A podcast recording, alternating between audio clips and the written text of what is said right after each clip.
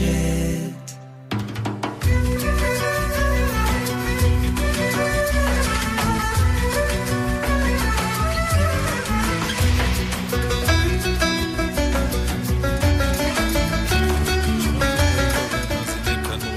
רשת עשר ועוד חמש דקות, התוכנית אה, שואל ומשיב, שאלות ותשובות הערב אה, בהלכה.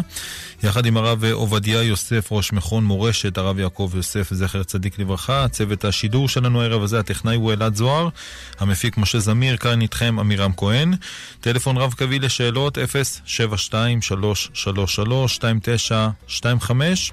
072-333-2925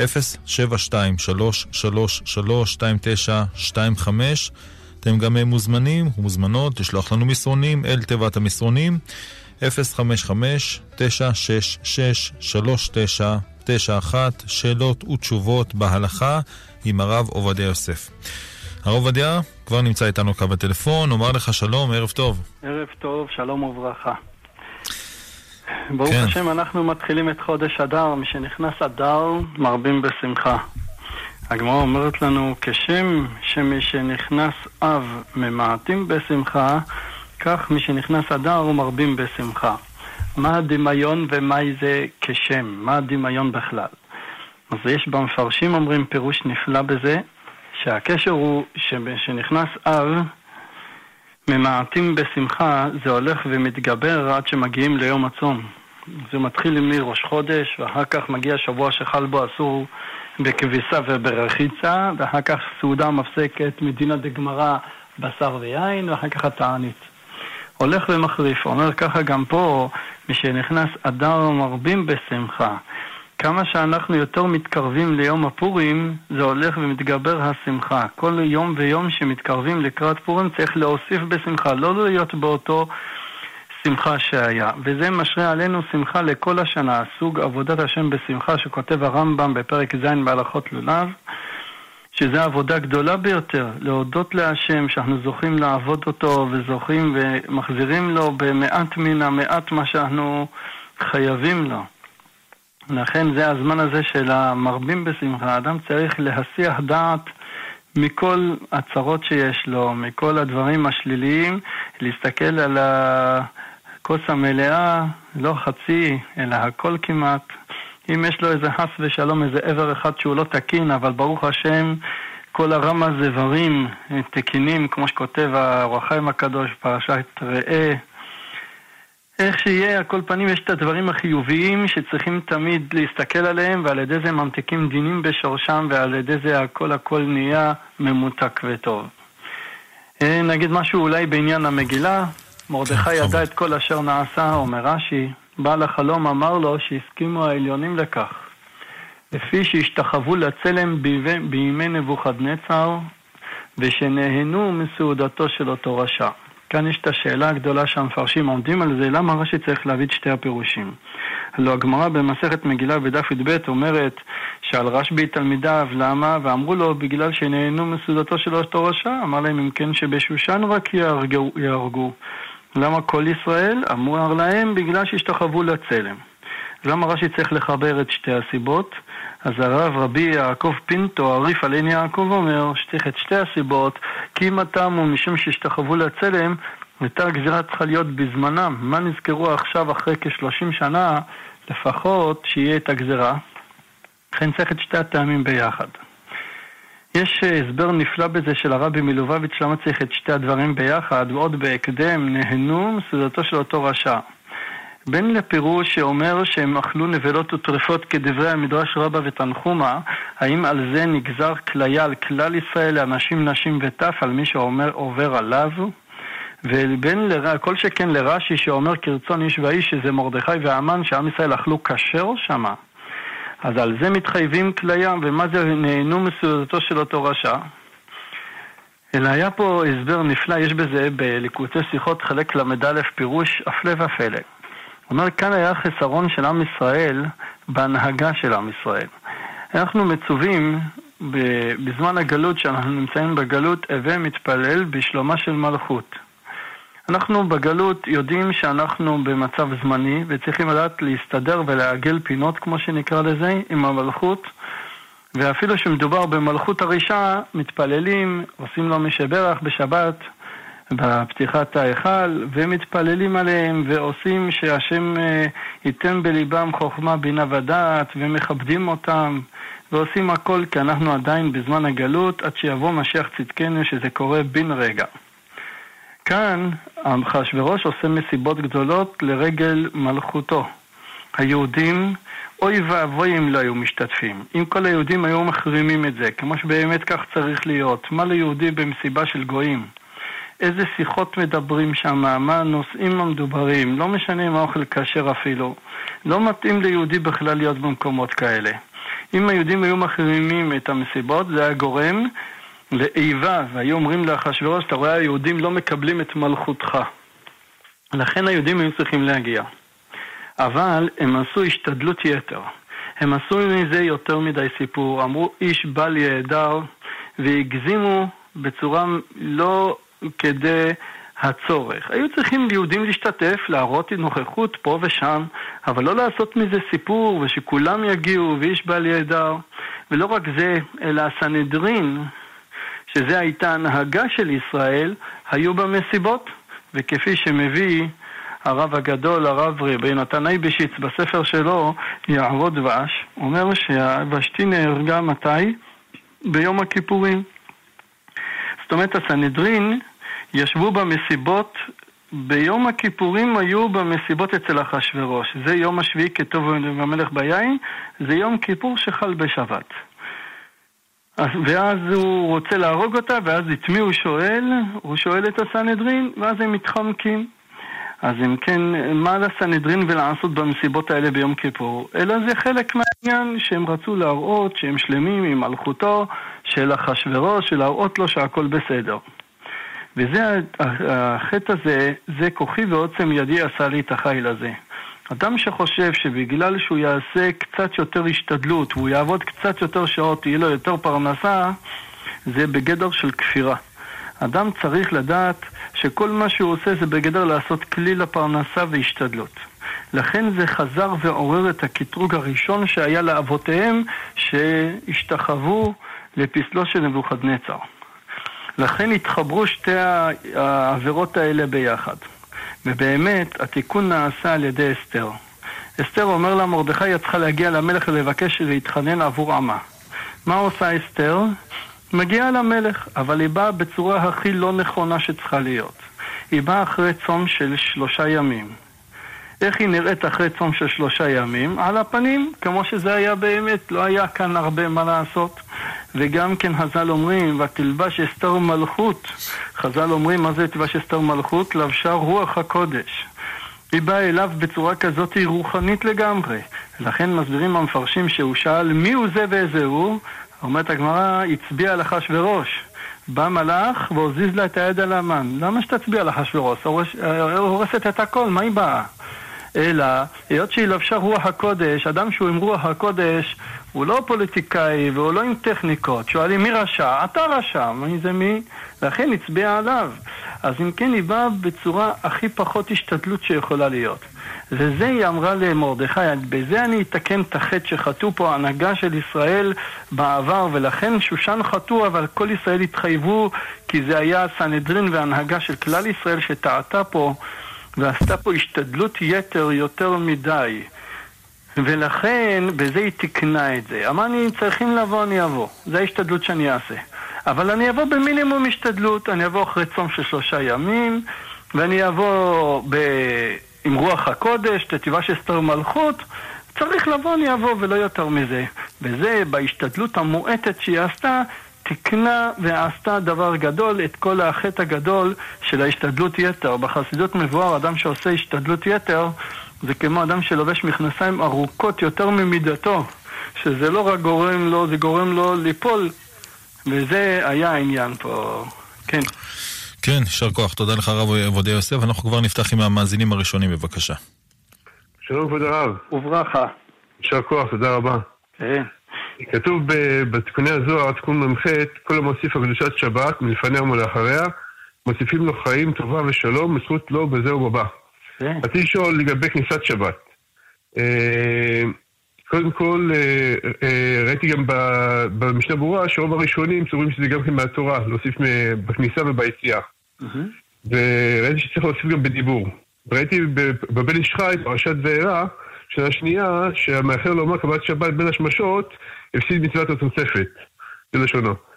עכשיו, רציתי לשאול מה קורה עם הרבה מניינים, שיש להם, אומרים, נכנסים עם החזרה לתוך בין השמשות, אז הם מפסידים את התוספת. לפיכך, יש איזה פתרון לזה? לא לקבל אה, את השבת לפני המנחה, ואז... אה, ולא כן, לעניין תפילה? הפתרון הוא, קודם, ככה, לפי האמת לאמיתו, המניינים שעושים ומתפללים מאוחר זה המנהג המקורי יותר. שהרי אם הציבור קיבלו שבת, אסור לעשות מלאכות בין השמשות. שבות מותר בין השמשות, אומר השולחן ערוך, בתנאי שהציבור לא קיבלו שבת. אם תאמר כמו הבן איש חי, שצריכים לקבל כולם קודם השקיעה, מה עשינו? איך יכול להיות שבות בין השמשות?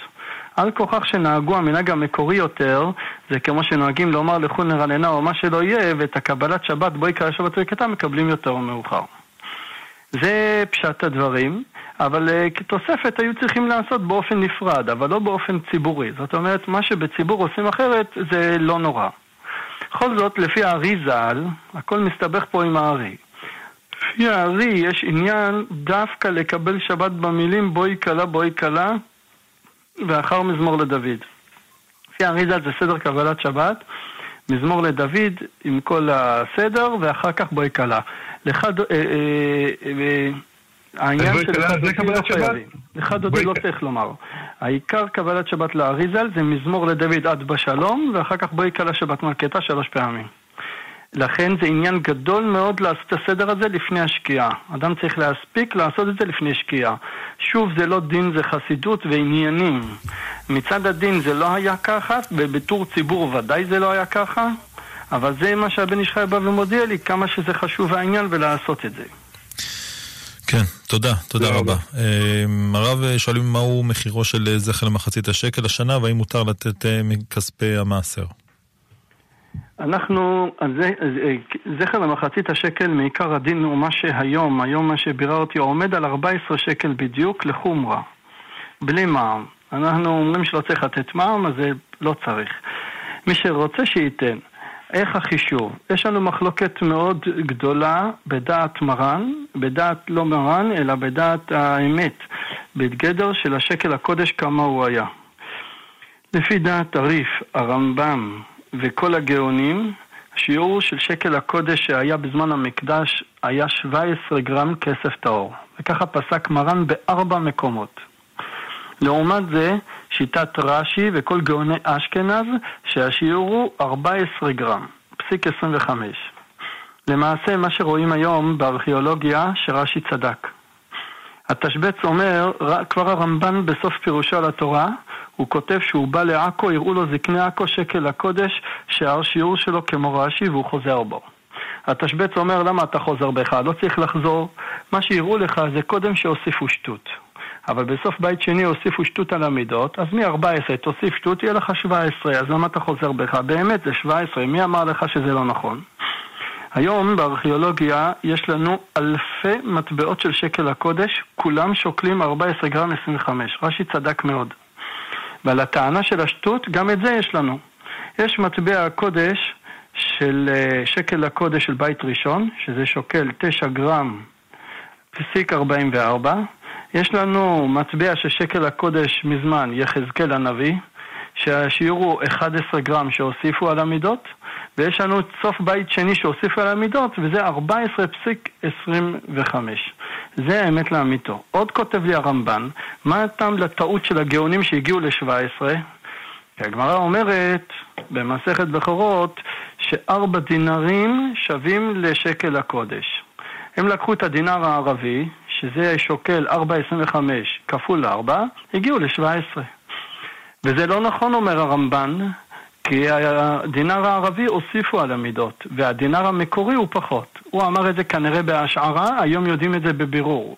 15 שנה קודם החורבן, הרומאים הנפיקו שקל הרומי, את הדינר הרומי הראשון. ושחז"ל אמרו ארבע דינרים שקל זה דינר הרומי. אחר כך, והוא באמת שווה פחות מארבע, וזה מגיע לארבע אחדים כאלה, ל-14 גרם 25. הערבים אחר כך הוסיפו על הדינר ועשו את זה 4.25, וזה איתה את הגאונים ואת כולם. אז מכל הכיוונים אנחנו יודעים היום שזה רק 14 גרם, 25. Uh, היום מה ששווה גרם כסף טהור בבורסה בלונדון זה שווה שקל 75, היום, נכון להיום ממש, זה קצת זז. אז זה יוצא לך 12 שקל 25, פסיק 25. אבל אנחנו מחמירים לא דין, חומרה, להוסיף עוד 15% זה יוצא 14. למה? יש לנו ספק בנוגע למעשר שני, לפרוטה שלו, האם צריך את המחיר הקמעונאי או סיטונאי? האם הולכים לפי הבורסה בלונדון או לפי הגרם כסף ששווה אצלך פה בחנות? מדבר בזה בדרך אמונה שהרב קניבסקי מביא בשם הרב אלישיב, וגם בקהילות יעקב החדשים של הרב קניבסקי אמרו שיש להחמיר בזה לכתחילה לפי הקמעונאי. לפי זה זה מגיע ל-14, אבל אבא אמר, טוב, כל זה בנוגע לדין של מעשר שני, וכשאנחנו מדברים פה על מנהג של uh, מחצית השקל, אז uh, אין צורך להחמיר. אז לפי זה זה אפילו 12-25, אנחנו אומרים לחומרה 14, אבל לא יותר מזה. למשל לפדיון הבן זה 140 שקל בלבד. כהן שייקח יותר זה בחשש גזל ממש. כן. כן, רק שאלו על כספי מעשר, האם אפשר לתת מכספי אה, מעשר? לכספי מעשר, מעיקר הדין, כל דבר שהוא לא חובה, מותר לתת אותו במעשר כספים. כל דבר שהוא חובה, אסור לתת אותו במעשר כספים. קשה מאוד להגדיר את מחצית השקל כחובה ממש. אה, מרן בכלל לא הביא את זה, אין במרן דבר כזה זכר מחצית השקל. המורדכי הראשון הביא את זה ואמר שצריך להביא חצי מטבע, שזה... חצי מטבע של אותו מקום. אנחנו מחמירים כמו הבית דוד אה, להתחיל לתת כמו שקל הקודש שהיה במקדש. אפילו מטה יהודה אייש באלג'יר הוא אומר שהמנהג כמו רמה, לתת חצי שקל.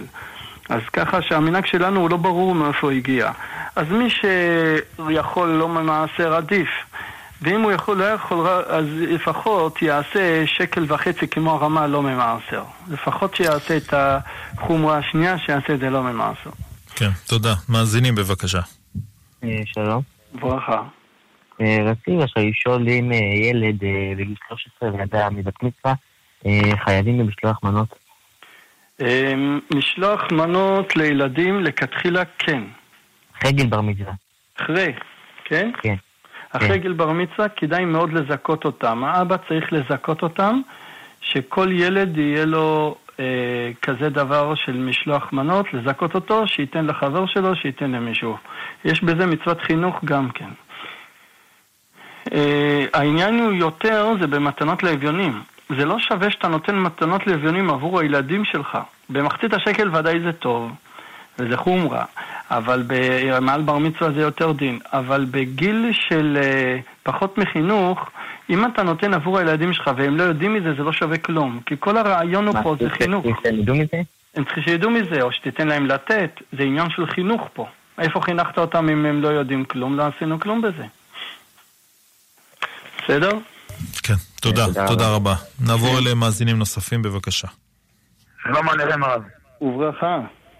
הרב רציתי לדעת לגבי מקרא מגילת נשים אם החזון יברך, האישה. כן, הדבר הזה הוא תלוי במחלוקת מאוד גדולה. בחזון עובדיה אומר לנו שהחזן יברך. לעומת זה באור לציון אומר שהאישה תברך. ויש צדדים לכאן ולכאן, יש צד לזה, יש צד לזה. מצד אחד החזן צריך לברך, בגלל שלא ייתכן שאחד עושה את המצווה ואחד מברך, כמו שראינו בהלכות חנוכה. לא ייתכן שאחד מדליק נר חנוכה והשני יברך. מי שזה מדליק הוא זה שצריך לברך. אותו דבר גם פה, מי שקורא את המגילה ומוציא את האישה, הוא צריך לברך. אה, מצד שני, יש כאן חסרון מצד הברכה שהחיינו. ושהחיינו ושעשה ניסים, איך הוא חוזר ומברך עבור האישה? אם נאמר שהשהחיינו הולך על החג, שזה דעת רוב הראשונים וחזון עובדיה נוטה לזה יותר, אז אם זה הולך על החג, שהיא תברך לבד, למה אני צריך לברך בשבילה? ומרן אומר שלא מוציא את העינו בקיא, ועוד זה ברכות השבח, ברכות השבח לא שמענו שיצא מוציא. בקיצור, זה מצווה שבדיבור, מרן בבית יוסף בסימן תקפ"ה אמר לנו שנהגו במצווה שבדיבור כן להוציא. בשהחיינו של מצווה של דיבור. אבל זה לא יצא מידי ספק ומחלוקת ראשונים בדבר הזה, וזה ספק פחות להקל, אז מה נעשה? אז uh, האור לציון אמר שהיא תברך, אז אם היא תברך אז זה בעיה, אחד קורא את המגילה ואחד שומע, מה עושים? אז, אה, אז הפתרון הוא לעשות ככה, שהיא תברך את כל הברכות, והיא גם תתחיל פסוק אחד, ויהי בימי אחשורוש, שתקרא פסוק אחד, ואז הרווחנו את כל השיטות. היא מצד אחד קראה קצת מהמגילה, וזה מספיק, חלה ברכה. אחר כך אפילו הוא יחזור על הפסוק הזה, יקרא עוד הפעם, ויוציא אותם בידי חובה בקריאה, וככה יצאנו מכל התסבוכת של המחלוקת הזאת. לגבי ברכה אחרונה. ברכה האחרונה, רב את רבנו, לפי השיטה של uh, סבא ואור לציון, כולם מחמירים בזה, שלכתחילה צריך להיזהר שיהיה עשרה. Uh, ככה פסקו מעריקש והרבה פוסקים, לעומת זה יש באלישיב הכהן תשובה יפה שלו, הרב מזוז באחרונה דיבר בזה שלא, שזה שיטה יחידה בראשונים ולא סבל בשיטה יחידה, ועוד ארוחות חיים שהחמיר בזה סותר את עצמו. אבל כשמעיינים רואים שזה לא פשוט, יש איזו תשובה יפה ביביע אומר חלק ח' בסוף חלק אור החיים, ואנו מחמירים, צריך שזה יהיה עשרה. עשרה נשים אפשר, אבל חצי גברים, חצי נשים אי אפשר. ככה כותב בעל העיטור משום פריצות, כמו בזימון, שאי אפשר לצרף חצי נשים וגברים ביחד, אלא אם רצו לזמן לעצמם מזמנות, אבל אסור לצרף גברים ונשים משום פריצות, אפילו שזה אותו בני בית, בעל ואישה. אותו דבר גם פה, גברים ונשים לא מצטרפים לעשרה, אבל לעניין נשים, עשר נשים לבד מצטרפים. יש פה חזון עובדיה שכותב אחרת, אבל צריך לעיין בזה, צריך לחבר מה שכתוב פה בחזון עובדיה על פורים עם מה שכתוב בחזון עובדיה בנוגע לחנוכה בבית הכנסת. כאן כתוב מה שלא כתוב שם, שם כתוב מה שלא כתוב כאן, ויש לנו בעל העיטור שהחמיר בזה, וככה העיקר להחמיר. ואם הוא צידד בדעת העיטור אחרת, יש אליה רבה שכתב הפוך בדיוק, נקצר בזה. כן. כן, תודה, תודה רבה. נעבור למאזינים נוספים, בבקשה. אה, שלום לרב. וברכה. שלום, רציתי לשאול מתי אה, לקרוא את המגילה בשכונת רמות בירושלים. אני יודע שיש בזה מחלוקת, אה, והאם יש מקום להחמיר לקרוא בשני ימים, או דעת הרב באחד הימים בלבד? אנחנו בסייעתא דשמיא עוד בחיים חיותו של הסבא הוצאתי קונטרס בזה, והעליתי שצריכים לקרוא במגילה ברמות בט"ו ממש. וזה היותר נכון והיותר מתאים. ומי שרוצה לקרוא בי"ד לחומרה בעלמא שיקרא, אבל עיקר הדין של קריאת מגילה זה דווקא בט"ו. ונתתי את הקונטרס הזה לסבא, והוא עבר על זה שלושה ימים, ובהשפעה של הקונטרס הזה, הראשון לציון גם כן הביא את הנימוקים האלה, והוא רוצה היום אה, גם לומר שזה מגילה בט"ו. זה מאוד נראה שרמות זה מגילה בט"ו מכמה וכמה כיוונים. הרבה יותר נראה ט"ו מאשר י"ד.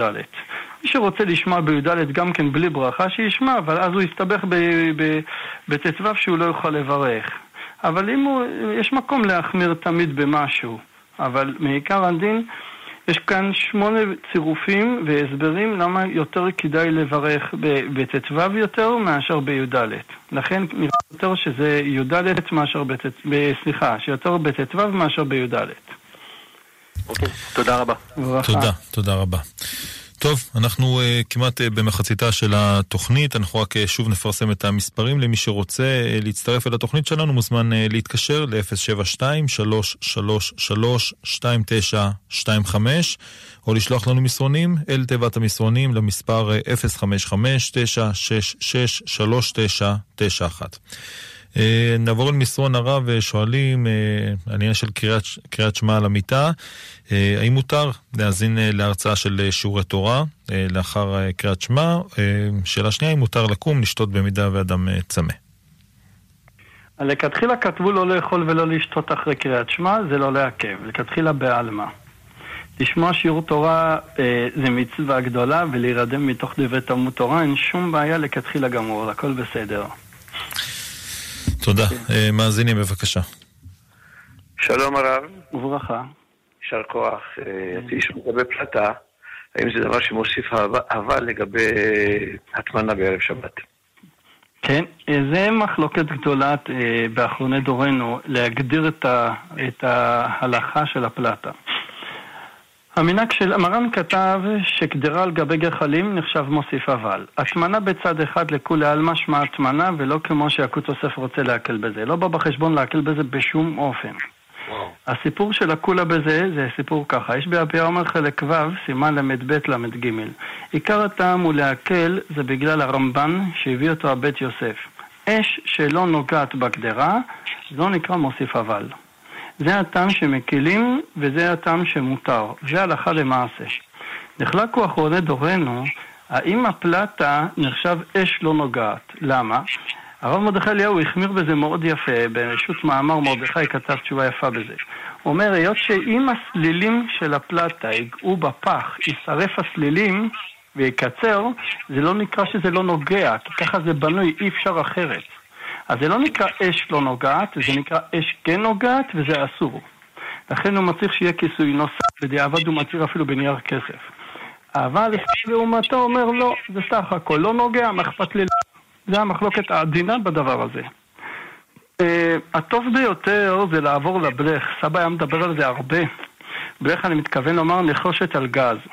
נחושת על גז זה הטוב ביותר מבחינה הלכתית. קודם כל מבחינת החילולי שבת לצמצם בעניין של אוכל, לא ליהנות מחילולי שבת באכילה, שיש בזה חומרה מיוחדת, כי הרשב"א כותב שיש איזה גדר של מאכלות אסורות בשבת, והחברת חשמל זה לא אה, בסדר בכלל מה שהם עושים לכתחילה, אפילו אם יש פיקוח נפש הם צריכים להשיג גויים, כולי עלמא מודים בזה שיש פה חסרון עצום. ודבר שני, אתה מרוויח את דיני הטמנה האלה גם כן, כי האש לא נוגעת. דבר שני, אה, אין הטמנה בשלבת. שלבת של גז לא שייך להטמין בשלבת, אז לכן זה עוד כולה שיש בדבר. מכל הכיוונים כדאי מאוד לעבור לגז. היום זה בטיחותי, יש היום את המפסק שברגע שהגז נכבה, אז נכבה הגז, אין שום בעיה עם זה, לא כמו שהיה פעם. וזה הרבה הרבה יותר טוב מאשר הפלטה. כן. תודה, תודה רב. אנחנו נעבור אל אה, מסרון. שואלים אה, מדוע בחו"ל קוראים את המגילה בט"ו בערים המוקפות אה, חומה מימי יהושע? אין לנו בחו"ל, הכוונה רק חוץ לירושלים. בחו"ל יש לנו רק את שושן הבירה. אין דבר כזה בחו"ל היום משהו שיש זכר מיומיים. אין, רק בחוץ לירושלים יש, בשושן הבירה. חכמים תיקנו ערים המוקפות חומה מימות יהושע בן נון. בעיקרון רצו שגם ירושלים תהיה יחד עם הקריאה לט"ו כמו שושן, ולכן עשו תקנה כמו כרכים המוקפים חומה מימות יהושע בן נון, ובצורה כזאת יפתרו את הבעיה, להכניס את ירושלים אה, ולחבר אותה יחד עם שושן הבירה שיקראו בט"ו. כפי שכותב בהרב יוסף שוורץ, בזכר יוסף, רוב ארץ ישראל נחשבת מוקפת חומה מיהושע בן נון. רק אנחנו לא כל כך יודעים ולא יודעים לשער את זה, אבל בהחלט שזה אמור להיות רוב ארץ ישראל. כן. תודה, תודה רבה. אה, מאזינים נוספים, בבקשה. כן, בבקשה. אהלן, שלום. ברכה. ערב טוב לרב. אה, רציתי לשאול אם אה, אבא שנרדם בבית כנסת בשבת, האם מותר להעיר אותו או שאסור להעיר אותו משום גזל שינה? מתי הוא נרדם? בשבת בבית כנסת. באיזה שעה? בשעות הערב, בערבית. אחרי ערבית? כן. הוא רוצה שתעיר אותו, של לבוא לבית לעשות קידוש, הוא רוצה בכך. ואם הוא נרדם באמצע התפילה? אם הוא נרדם באמצע התפילה, אני מציע לך לשאול אותו עכשיו על הדבר הזה, לפני שזה קורה. מה אתה רוצה שאני אעשה אם אתה נרדם בתפילה להעיר אותך? מה אתה רוצה אני אעשה. ומה שהוא אומר לך, תעשה. שיבדוק עכשיו שהוא ער, שהוא לא כן. יעיר אותו עכשיו. אוקיי, תודה רבה לילד. בבקשה, כל טוב. טוב, תודה. אה, שואלים אה, דרך המסרונים אה, לגבי אישה שאפתה עוגות פרווה, אפתה אותם בתנור חלבי, שואלים האם העוגיות חלביות לכל דבר והאם מותר לאכול אותם אחרי אוכל בשרי. היות שכאן אנחנו באים לשאלה לאחר מעשה, לכתחילה מותר להכנו הספרדים, מקילים בזה אפילו בתנור בן יומו, מותר לאכול את זה עם מאכלי בשר ממש. אה, מותר לה להטביל את זה ממש בבשר, אבל אם אוכלת את זה בפני עצמו, ודאי שהיא לא הופכת להיות, אה, אין שום בעיה, אחרי בשרי אפשר לאכול את זה גם לכתחילה, אין שום בעיה. כל הנידון זה שמבשלים לכתחילה, עורפים לכתחילה בשביל לאכול את זה עם, עם בשרי ביחד. האם חלל זה שם של נת בענת או לא, שדעת רוב ככל הפוסקים אומרים שזה לא בסדר. בן יומו. אבל לא בן יומו זה בסדר. אבל אם עשו כבר, לכול דעת מרן, לכתחילה יכול לאכול את זה עם, עם בשר. אבל שש שעות אין לה מה לדבר שלא מחשיבים לא לפני ולא אחרי. אף פעם לא. כן, תודה. אה, גם בנושא של, אה, של הכשרות של הבישול, שואלים על מיקרוגל. אה, אדם שמחמם אוכל בשרי עם מכסה, האם מיד לאחר מכן יכול לחמם אוכל חלבי עם מכסה? מחלוקת גדולה.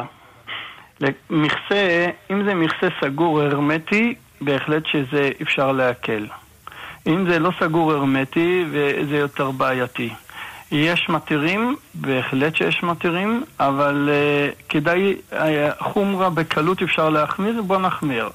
לחמם מים עם סבון, כמה דקות, חמש דקות, זה הרבה מאוד למיקרוגל, על חום מרבי, ויעשה עדים ויעשה הכשרה. כבו לא כך פולטו. בין בשר לחלב לעשות את זה, זה טוב מאוד, וככה מרוויחים. כן, תודה. אה, מאזינה, בבקשה. שלום, ערב טוב לרב. וברכה. אה, רציתי לשאול, למי אפשר לתת את מחצית השקל? אה, האם אפשר לתת לדודה שמצבה קצת לא טוב? לא. אנחנו, מחצית השקל זה לא כפרות, מחצית השקל זה רק ללומדי תורה והחזקת שיעורי תורה וכדומה, אברכים, למה? בגלל שזה כנגד קורבנות. מחצית השקל במקדש היו נותנים את זה לקורבנות, והיום התורה והתפילות זה במקום הקורבנות. זה לא עניין לתת את זה לעניים, בסדר? תודה רבה. בבקשה. כן, אה, שאלה מן המסרונים, זכר מחצית השקל, האם אה, לכל איש מהמשפחה צריך לתת אה, מחצית השקל?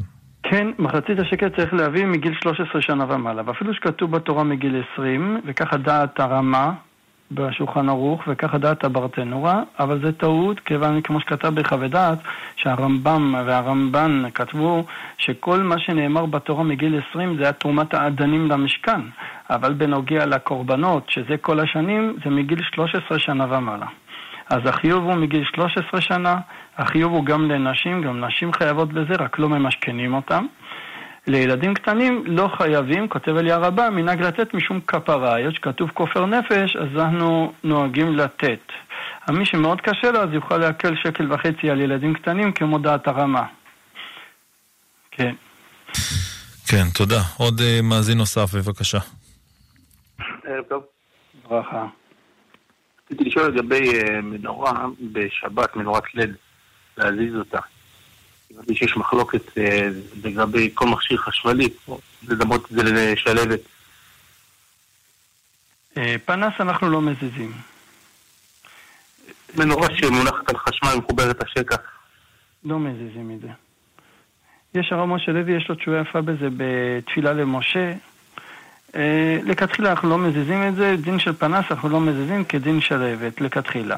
בנוגע למכשיר חשמלי שיש לו מנורה, דרך אגב, כמו, כמו נגיד דוגמה הסקה, שכשהתרמוסטט כבר עובד, שאין חשש שאתה מפעיל אותו מצד המנורה, כולם מתירים הרב אלישיב אוסר אפילו בזה. ולגבי שאר מכשיר החשמל? אם, אם, אם זה דרך אגב זה יותר קל. אם יש שם נורה, אבל זה לא העסק פה של הנורה, זה לא פנס. יש פה דרך אגב גם נורה, אז זה לא נורא. אבל ברגע שאתה מטלטל נורה בפני עצמה, זה כמו שלבת וזה בעיה. ולא אומרים שמכשיר חשמלי זה כמחובר לקרקע ולא... לא, לא, לא. אה, אין מוקצה במחובר. המילים אין מוקצה במחובר, סבא בהתחלה רבי עומר חלק ה' אמר שאין מוקצה במחובר וחזר בו בחלק ח'. על פי הערה של הרב אויבך, מזמורה הקשורה בתפיח, מפורש רואים שיש מוקצה במחובר. מה שאמרו אין מוקצה במחובר נמחק. יש מוקצה במחובר. תראה את זה בחזון עובדיה.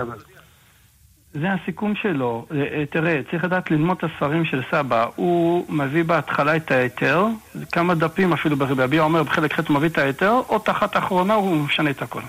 הוא מביא את הראייה מהתפיח, מהזמורה הקשורה בתפיח, וזה ראייה שאין עליה תשובה. וגם ביבי עומר חלק ח' חזר בו, וכנ"ל חזון לוודא אחרי זה, אותו דבר, אין הבדלים. אה, יש מוקצה במחובר, זה המסקנה, כן. יש מוקצה במחובר, יש היתרים אה, אחרים לכל דבר. מה? אני חושב ש... חשבתי שראיתי שהוא הקראת את זה בחזון. מה כתוב בחזון לוודא? איזה הלכה בדיוק בדיוק? הוא הביא את זה שם, הוא הביא את התפיח. נו, אז אסור. מה הוא יכול לענות לא, אבל תראה את זה. לא, הוא תראה את זה בסוף. זה, אני אעיין בלי נדר. כל טוב. תודה, תודה רבה. אמ, הרב, אה, נעבור אל אה, מסרון, שואלים אה, האם יושבים שבעה על אדם שמחלל שבת בפרהסיה. שאלת השאלות. שולחן ערוך חוזר על זה כמה פעמים בסימן ש"מ, שלא יושבים שבעה על אדם חלל שבת בפרהסיה, ואפילו תינוק שנשבע.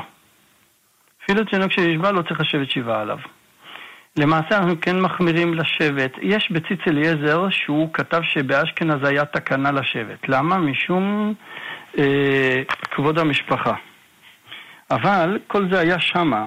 באשכנז, יש להם, היה להם, כאילו, כולם היו שומרי תורה ומצוות, ולא ידעו שאחד יצא לתרבות רע, אז בצורה כזאת העלימו את זה ואמרו כבוד המשפחה.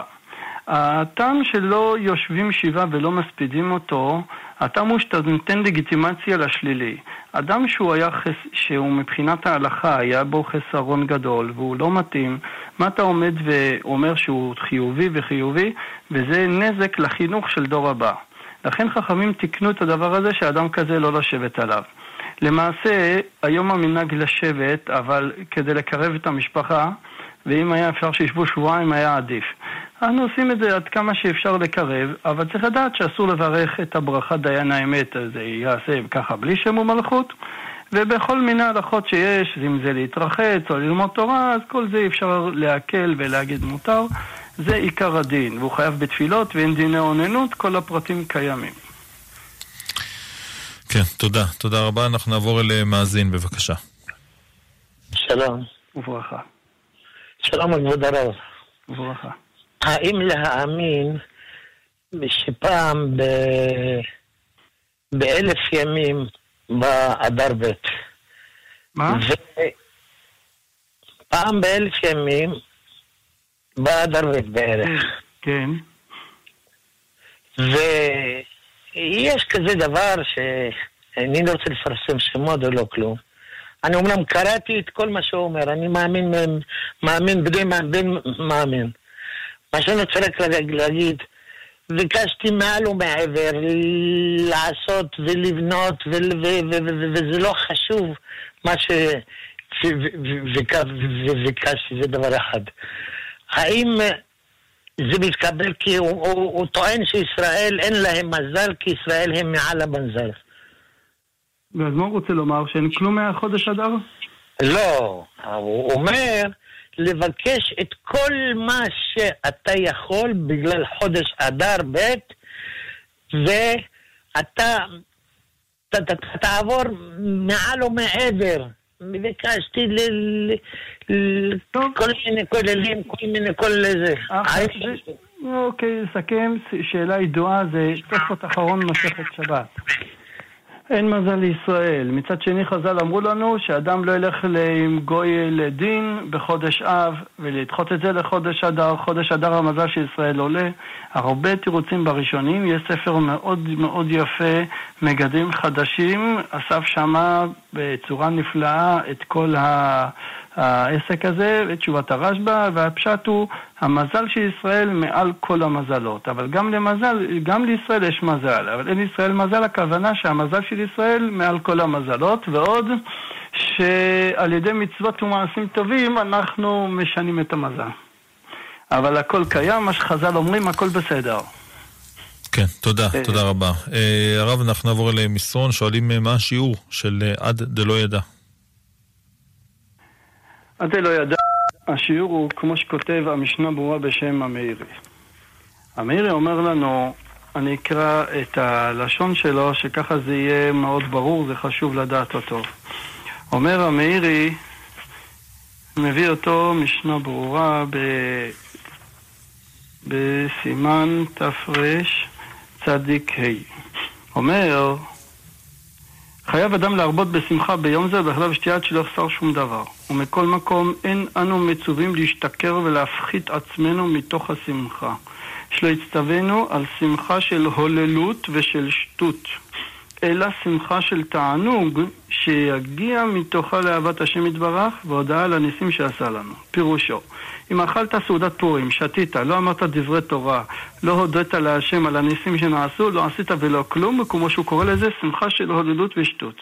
המעלה היא שאתה יושב בסעודה, שותה, מתוך השתייה אתה יוצא מהכלים הנימוסיים שלך במידה מסוימת, ומודה להשם מכל הלב. וזה הפירוש שאדם לא ידע בין ההוא המן לברוך מרדכי. לעולם לא תראה שיכור, אפילו כלות, שיברך את המן. למה? מה נתן לו? מה יברך אותו? ולמה שיקלל את מרדכי? למה שיעשה את זה? זה דבר מוזר ביותר שלא תראה מעולם שיכור שיגיע לזה. אלא הכוונה שאדם תוך כדי הסעודה והשתייה הוא מודה להשם ומספר על סיפור המגילה. אם אנשים מבינים וכולם יודעים את סיפור המגילה, שיגיד פירושים וחידושים שאנשים לא יודעים, שיהיה לו מי לשמוע. תוך כדי הסיפור שאדם שתוי הוא מתבלבל מאוד מהר בלשון. במקום להגיד מרדכי על הסוס, הוא יוצא לו בלי כוונה המן על הסוס וכדומה.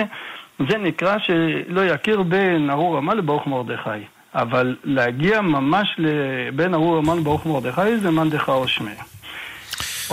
עוד יש לנו כן. קולות בדבר הזה, יש ספר לקט יושר של תרומת הדשן שאומר שאדם שמצטער משתיית היין ולא נהנה ונהיה חולה מזה, פטור. לא אמרו אלא למי שנהנה. והעיקר מהכל, אדם צריך לדעת אחרי שהוא משתכר מה קורה איתו. אם הוא מדבר שטויות ועושה דברים לא ראויים, אסור לו לשתות. זה רוב הציבור.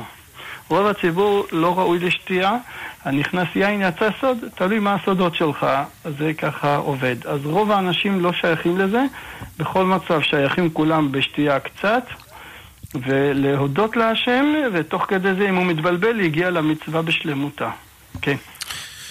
כן, תודה. אה, מסרון שואלים האם אה, מותר לצלות כבד אה, עוף בתנור לאשכנזים ולספרדים. אני לא בנושא. לא בנושא. כן. טוב. עוד uh, מסרון, שואלים uh, מדוע uh, בקריאת התורה אחד מברך ואחד uh, קורא, ואילו בקריאת המגילה לנשים, uh, אם האישה מברכת, uh, עדיף שתקרא רק uh, פסוק אחד. כן. Uh, מה הוא רוצה, שהיא תקרא את כל המגילה איתו? אני לא יודע מה התכוון, אבל... וקריאת התורה זה, קודם כל אדם צריך לקרוא, זה שעולה לתורה קורא בלחש יחד עם השליח ציבור, והוא לא משמיע לאוזנו לפי מרן. לפי רמה כן, לפי מרן לא, על פי דברי זוהר הקדוש, והוא מכוון לצאת ידי חובה מהחזן. הוא קורא ידי, יחד עם החזן, ומכוון לצאת ידי חובה מהחזן. ומרן אומר שאם הוא לא קורא עם החזן, קרוב להיות ברכותיו לבטלה. אז יוצא שמצד אחד הוא בירך וגם קרא, אבל מצד שני הוא, לא, הוא גם יוצא ידי חובה מהחזן כי זה חובה ציבור. זה משהו מאוד מאוד משולב. פה במגילה זה משהו מיוחד, שאם חיסר מילה אחת לא יצא. זה סוג שמיעה מסגנון אחר, זה לא דין של חובת ציבור, זה חובת יחיד, לכן ההלכות הן בסגנון אחר. כן. תודה. נעבור אליהם מאזינים בבקשה. שלום עליכם. ברכה. אה, אני רוצה לשאול, אה, אני אה, כל שנה חוגג פעמיים פורים, גם י"ד וגם ט"ו. השאלה א', מה זה? מאיפה אתה? אני מירושלים, ואני עושה... ואני עושה או בחברון או בבני ברק את ה, כאילו את החג שלהם. אחרי זה אני חוזר לפני השקעה לירושלים. אז אה, השאלה שלי לגבי אה, אם צריך לברך עוד פעם בחיוב של ירושלים. והשאלה, קודם כל אם המנהג הזה נכון מה שאני עושה, כי אני, איך אומרים, אה, רוצה לחגוג פעם, השאלה אם זה טוב לעשות דבר כזה. היותר טוב, אתה ירושלמי, תשאר בירושלים, ולמה אתה מסתבך? אם אתה למה? רוצה את זה, תצא ידי חובה מאחרים, אל תברך, כן? זה בהחלט בעיה לברך במקרים כאלה. בפעם השנייה, לא? אתה כן, מדבר על הפעם השנייה. השנייה. נכון. פעם השנייה אתה מסתבך בברכה מאוד. אם אתה יוצא ידי חובה מאחרים ואתה לא קורא בעצמך, תעשה מה שאתה רוצה. אם אתה רוצה להוציא ידי חובה אחרים, או שאתה קורא בעצמך ורוצה לברך, זה מסבך אותנו מאוד. זה ממש הרבה פרטי הלכה יש בזה. והשאלה אם אני נוהג נכון, אני גם לא, שכאילו... מה? תשאר בירושלים, תעשה ירושלים, מה אתה צריך לעשות גם את י"ד? מה העניין? אה, לחגוג עוד פעם, כאילו עוד מסיבה למסיבה, כמו שאומרים. אם אתה אוהב מסיבות, תעשה לך. טוב, בסדר, תודה. כן, תודה. אה, הרב שואלים לגבי רצועות תפילין של ראש, האם הן אה, צריכות להיות באותו הגובה? לא, הם לא צריכים להיות אותו גובה. הרי בן ארי אומר שיש אה, שינוי, שאחד יותר ארוך, אחד יותר קצר. כן. בכוונה עושים את זה, זה לא סתם. כן. אה, עוד מסרון, שואלים כל, אומרים כל הפושט יד אה, בפורים, האם נוטים גם לרמאים שפושטים יד? בהחלט שלא. כל הפושט יד אה, נותנים לו, זה אדם שיש לך ספק אם הוא עני או לא עני, אז אנחנו אומרים שצריך לתת לו. אין מדקדקים במעות פורים וכל הפושט נותנים לו. אם אתה יודע במאה אחוז שהוא לא צריך, בשביל מה צריך לתת לו? לכן כל הילדים שפושטים יד לא צריך לתת להם. כיוון שהם לא עניים. ברוך השם היום הילדים הם אה, עשירים, סמוכים לשולחן אביהם ויש להם הכל. העניין הזה של הפושט יד זה שיש לך ספק אם הוא עני או לא, לא מדקדקים אחריו. ולא יותר מזה. כן. כן. טוב, אנחנו עשר דקות לסיומה של תוכנית, מי שרוצה עדיין להצטרף, אה, מוזמן להתקשר אלינו ל-072-333-2925. אה, אנחנו נעבור לעוד אה, מסרון, שואלים האם צריך שיהיה רוחב במגילה, כמו בספר תורה.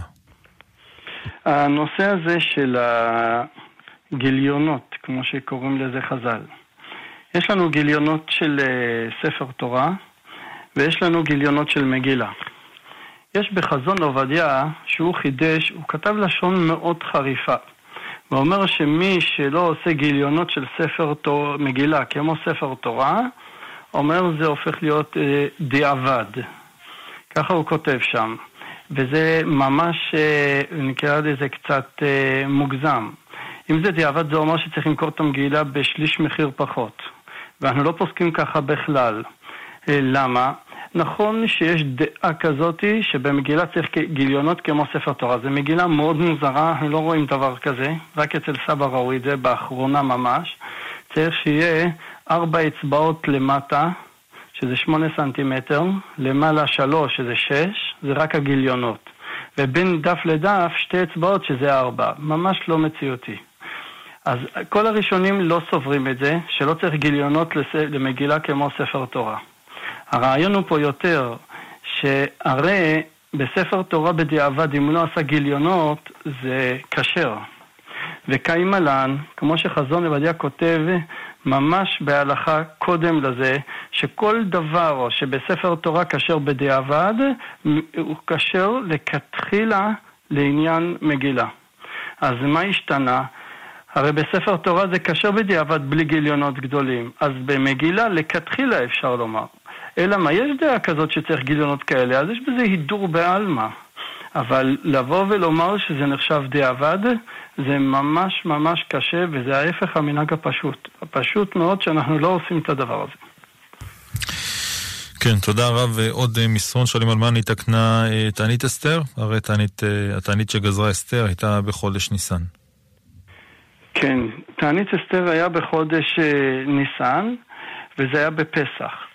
אנחנו לא יכולים להתענות בליל הסדר, ועבור מרדכי הם עברו עבירה, והם עשו את הצום בפסח. אנחנו לא יכולים לעשות את זה, לכן אנחנו עושים זכר לזה גם פה.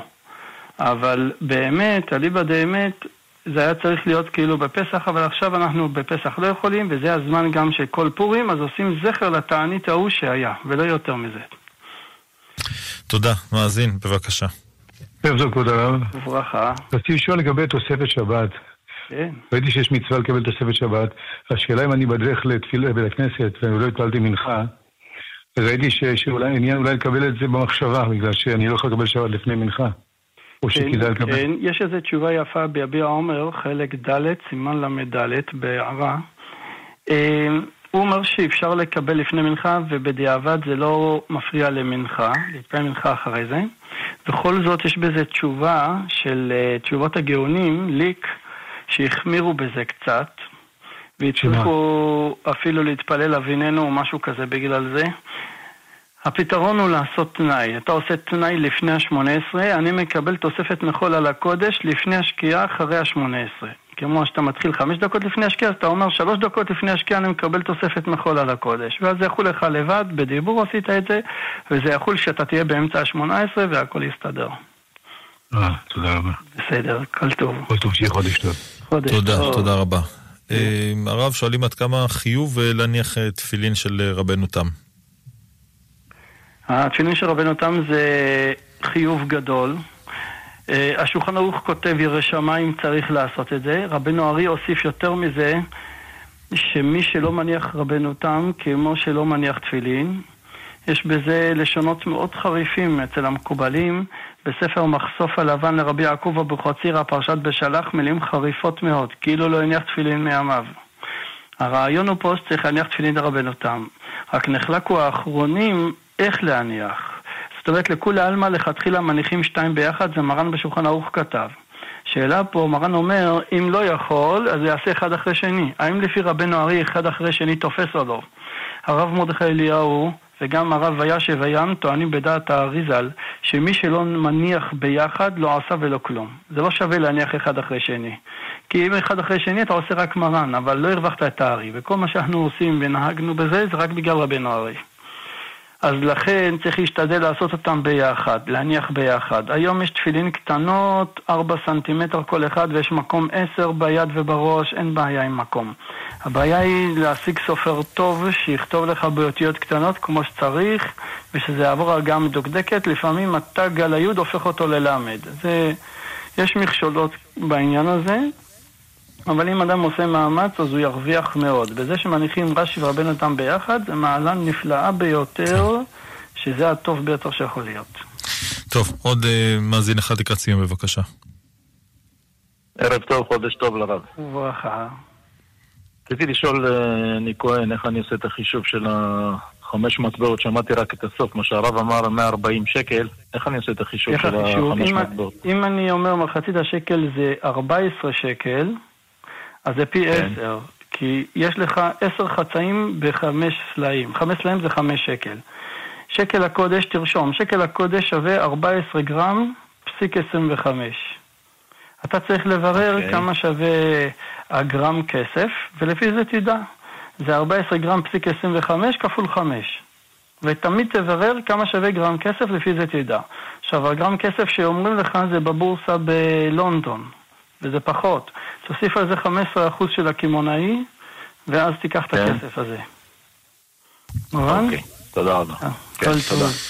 תודה. הרב שואלים האם אפשר לחמם אה, פת בתוך אה, שקית ניילון על גבי סיר שעל הפלטה, אם יש חשש להטמנה. לא, אין חשש להטמנה. רב אויבך אומר, כל דבר שאתה שם שקית בשביל לא ללכלך, או נייר כסף לא ללכלך, או מסיבות אחרות מותר. אם הכוונה כדי שיתחמם, אז אסור, אבל שמים בדרך כלל עם שקית כדי שזה לא ילכלך את הסיר, לא ידבק או משהו שכזה, אז זה בסדר. כן, הרב עוד שאלה על מיקרוגל אה, במקומות עבודה, שיש כאלה שאינם שומרים אה, כשרות ומחממים במיקרוגל. האם אדם שמחמם אוכל אה, כשר, יש לו איזושהי צורה שהוא כן יכול לחמם במיקרוגל הזה? אני לא הייתי עושה עם זה דברים, ממש לא הייתי רוצה לאכול מדבר כזה, אבל בהחלט יש מי שמקל. אם הוא רוצה לחמם שם מים עם סבון, ובצורה כזאת אחר כך לחמם בסגור, שיסמוך על זה. אבל ישיב מחמיר שצריך הגלה למיקרוגל. תשפוך מים רותחים מקומקום, אה, זה מאוד קשה. אה, שוב, גם יש בעיה, צריך לנקות אותו יסודי. לעבור עם הגבונים, לנקות אותו מכל השאריות, מכל הדברים יסודי. אה, זה לא כל כך פרקטי. לכן להשתדל להתרחק ממיקרוגל טרף, לא להתעסק איתו, להשתדל שלא. כל מה כן. שדיברנו בשר וחלב זה היתר הבלה, זה יותר קל. בטרפות כדאי להחמיר, למרות שלהגיד אסור ממש אי אפשר. כן. טוב, הרב, אנחנו הגענו לסיומה של התוכנית. הרב עובדיה יוסף, ראש מכון מורשת הרב יעקב יוסף, זכר צדיק לברכה. אנחנו מודים לך מאוד על השעה הזאת שהקדשת לנו, על התשובות המחכימות. תודה לך. הכל טוב. אנחנו גם אה, מודים לצוות השידור שלנו הערב הזה, הטכנאי היה אלעד זוהר, משה זמיר היה המפיק, אני עמירם כהן הייתי כאן איתכם. אחרי חדשות אה, השעה 11 בגן האמונה עם הרב אה, שלום ארוש, ראש ישיבת חוט של חסד. אתם כבר מוזמנים לשלוח מסרונים ולשאול שאלות את הרב. בחצות, ז'וז'ה אבוטבול, שיחות עם מאזינים ואורחים באולפן. אה, בשעה שתיים בית מדרש משודר כבכל לילה עד השעה חמש, ובשעה חמש אה, משה חבושה עם תפילת שחרית. אנחנו נשתמע, שיהיה לילה טוב וחודש טוב, בשורות טובות.